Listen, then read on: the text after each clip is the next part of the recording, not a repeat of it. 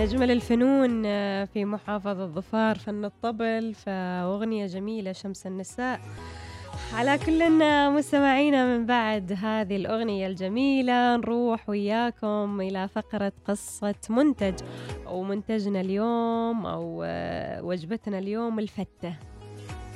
الفتة الفتة الفتة مستمعينا وأصل الفتة. طبعا الفتة تعتبر من الأكلات الشرقية الشهيرة واللي لا والتي تكاد لا تخلو المائدة المصرية منها في عيد الأضحى في رمضان والمناسبات.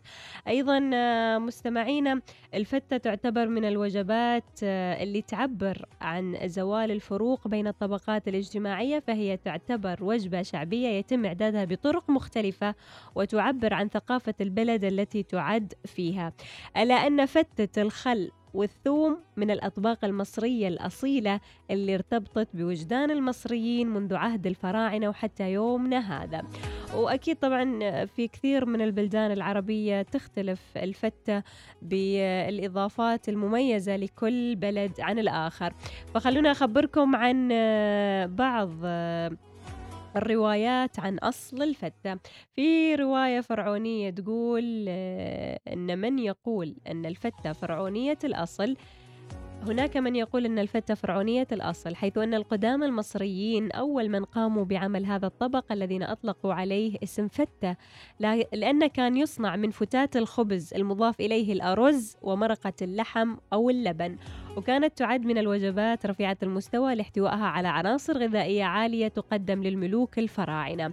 طبعا حكاية أول وصفة فتة عرفها التاريخ تحكيها نقوش معبد سوبيك اللي تشير إلى قصة الكاهنة المصرية كارا اللي ذبحت خروفا وحشته بالبرغل والبصل وزينته بالباذنجان المقلي وفتتت فيه قطع العيش وأضافت لها المرق والثوم والخل والبصل وقطعته وزرعته في عيد الإله.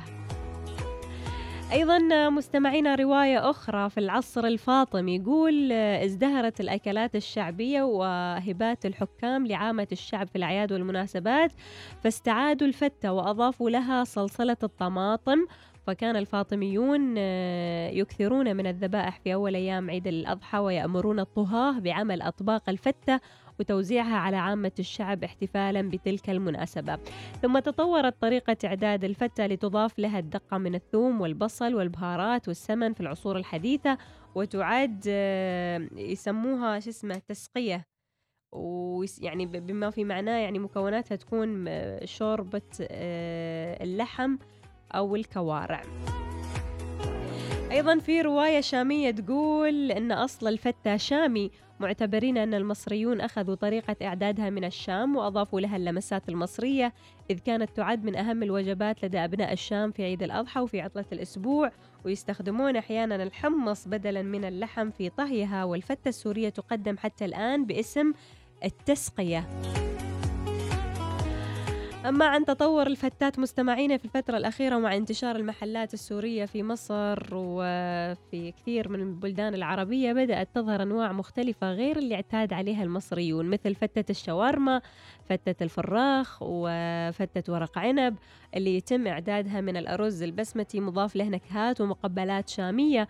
وقد تخلو من العيش المحمر ليعد أحد أهم مكونات الفتة التقليدية فكثير من المقبلين على تلك الأنواع الجديدة يفضلون طعمها ألا أنهم لا يعتبرونها بديلا عن فتة الخل والثوم بالطريقة المصرية.